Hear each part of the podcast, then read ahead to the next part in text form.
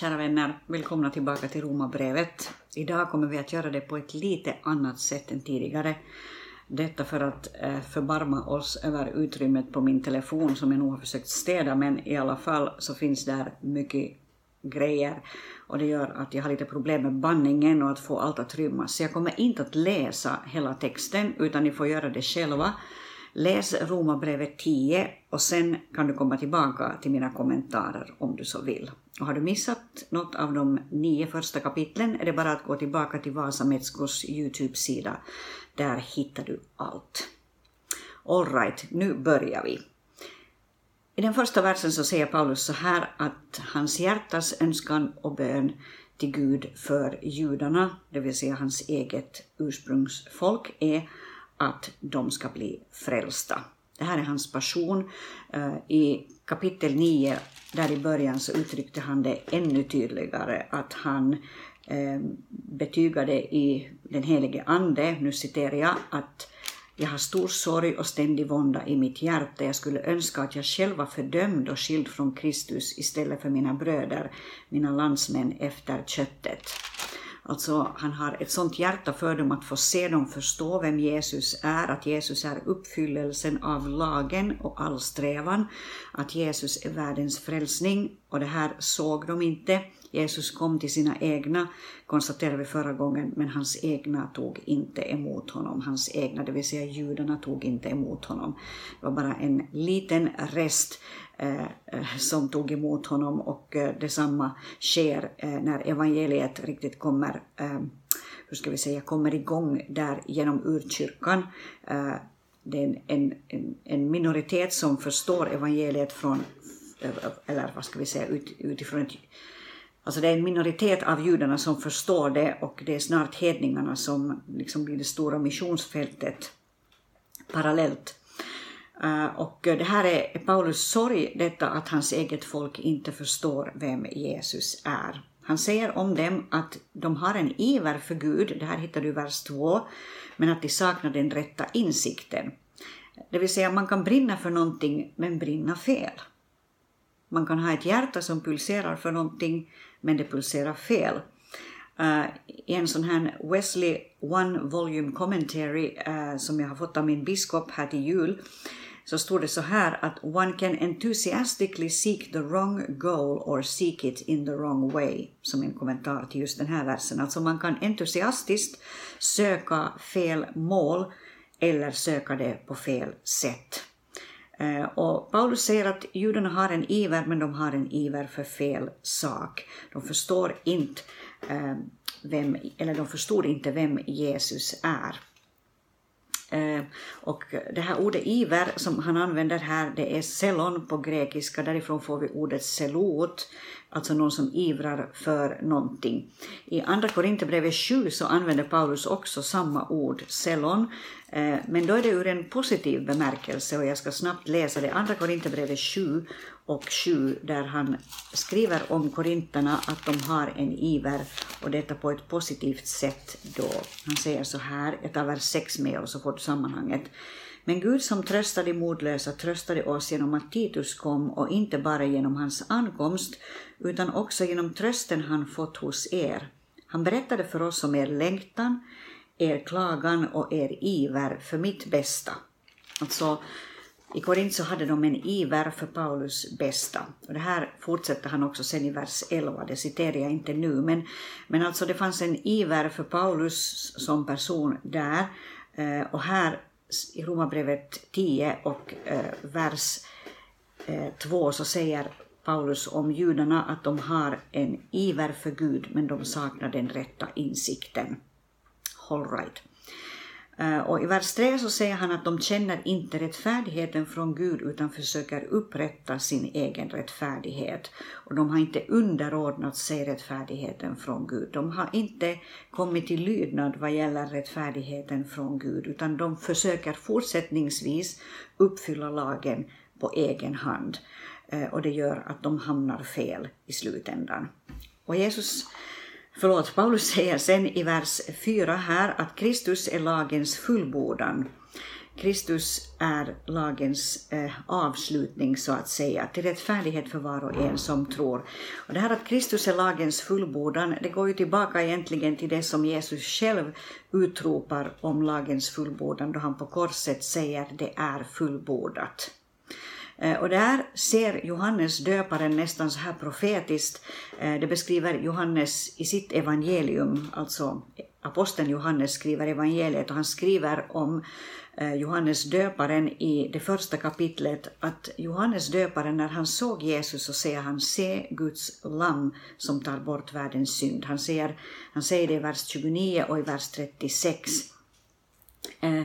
Och det här samma, den här samma tanken om Jesus som Guds lamm som tar bort världens synd, den har också Paulus själv i första Korinthierbrevet 5 och vers 7 där han säger så här, jag ska citera det snabbt, det står så här, rensa bort den gamla surdegen så att ni blir en ny deg.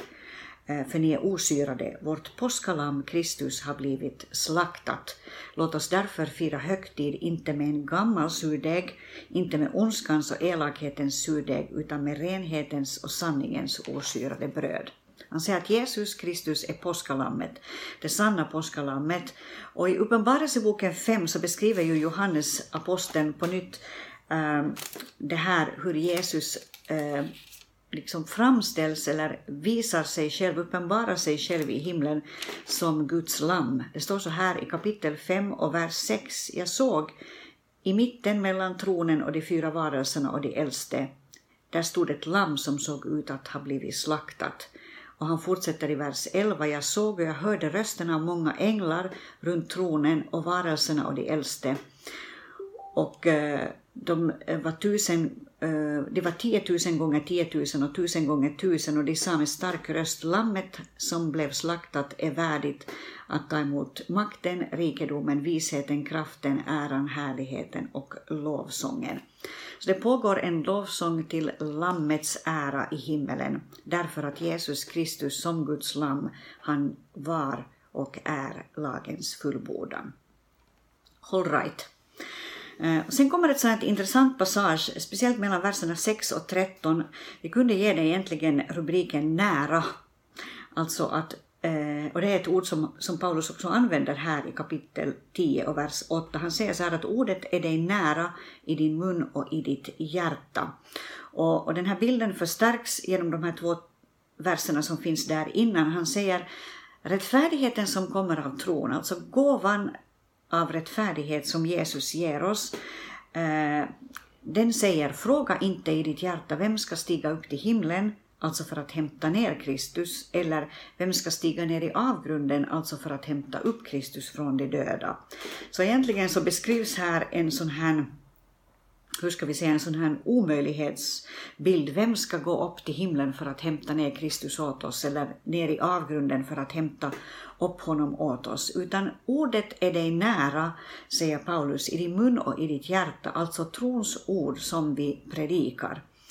Eh, och, och det för eh, mina tankar till det här Eh, Eh, det här begreppet att vara en sökare som används av ganska många människor nu för tiden och det nästan förhärligas lite det här att man är en sökare. Det är ganska pop att vara en sökare, det är populärt att vara en sökare. Eh, och Jesus talar om det här också, men ur ett lite annat perspektiv. Och jag tänker så här att man kan vara sökare på två olika sätt, kanske på fler. Eh, men, men när Jesus talar om det här att, att vara en sökare så säger han så här i Matteus evangeliet, det sjunde kapitlet, vers 7 och 8. Jag ska citera det åt dig. Han säger så här att ehm, be och ni ska få, sök och ni ska finna. Bulta och dörren ska öppnas för er. För var och en som ber han får och den som söker han finner och för den som bultar ska dörren öppnas. Så Jesus säger helt klart att det är helt okej okay att betrakta sig som sökare, men han säger också i samma andetag att den som söker kommer att finna. Alltså han förhärligar inget sånt här för evigt sökande, att jag är en sökare och jag håller på och söker och söker, eller att jag på något sätt tar mig den rättigheten att jag behöver inte hitta någonting utan jag söker nu så här, det är liksom min identitet. Utan Jesus säger att den som söker honom på ett ärligt sätt och med ett ärligt hjärta kommer att finna honom. Varför? Därför att han vill låta sig finnas av oss. Den som söker han finner. Eh, och för den som bultar ska dörren öppnas. När du bultar på den dörr som är Jesus så kommer han att öppna den för dig. Om du ärligt vill ha en uppenbarelse av Jesus Kristus i ditt liv så kommer han att öppna den för dig. Du behöver inte vara en evighetssökare och du behöver inte ta den rollen att ja, jag sökte hela mitt liv men jag hittade aldrig honom. Jag är helt säker på att den som söker honom av ett ärligt hjärta kommer också att finna honom. Och då går jag tillbaka till Romarbrevet 10 han säger alltså att ordet är nära dig i din mun och i ditt hjärta. Om du med din mun bekänner att Jesus är din Herre och med ditt hjärta tror att Gud har uppväckt honom från de döda, då ska du bli frälst. Det här är den enklaste undervisningen om frälsning som vi kan hitta. Det förutsätter två saker. Att du med din mun bekänner, alltså ingen privat kristendom, utan att du bekänner att Jesus Kristus är min Herre. Jag har valt att sätta min tro till Jesus Kristus. Den bekännelsen, och det har jag sagt tidigare vet jag, den bekännelsen kostade mycket i den urkristna församlingen. Många fick betala med sitt liv där för att de bekände detta att Jesus är min Herre. Så när jag säger att, att det är väldigt enkelt att bli frälst så vill jag samtidigt liksom tillfoga i den tanken att det kan vara en ganska kostsam bekännelse förvisso. Äh, detta att säga att Jesus Kristus är min Herre. Det kan hända att ens familj vänder sig mot en, det kan hända att vänner vänder sig från en.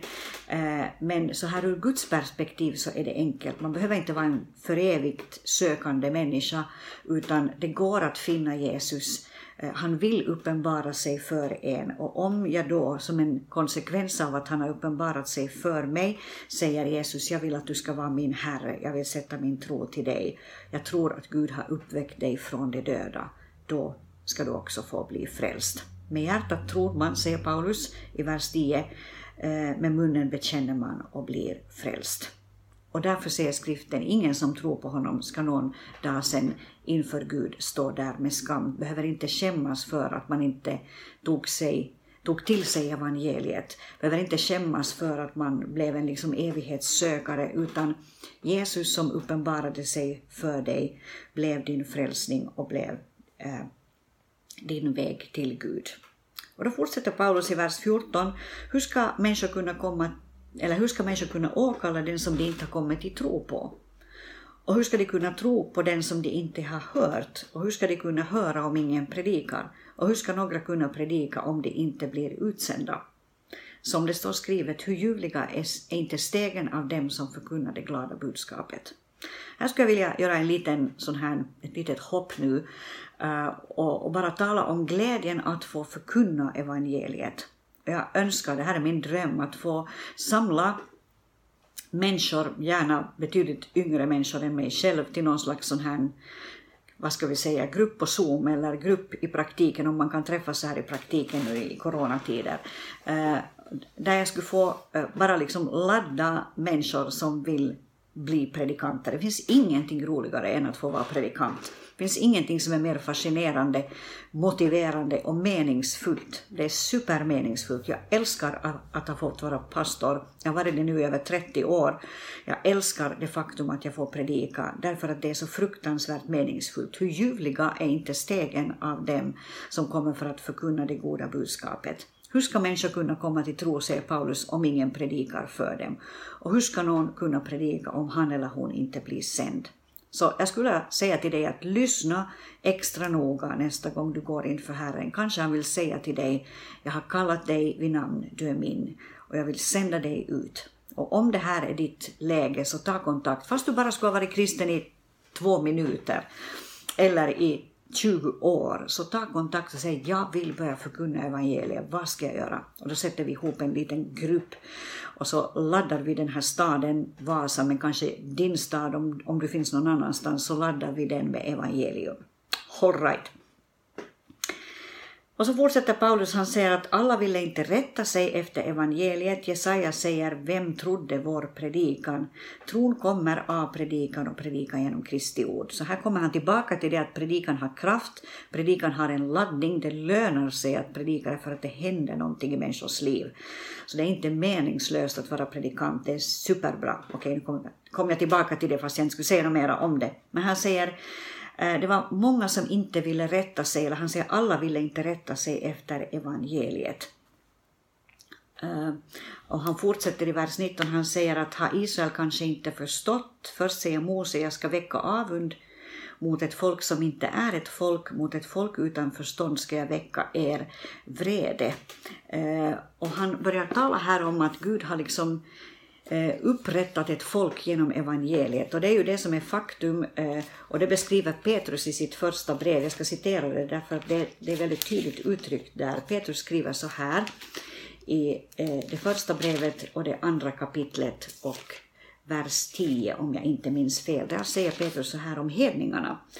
Ni som förr inte var ett folk är nu Guds folk.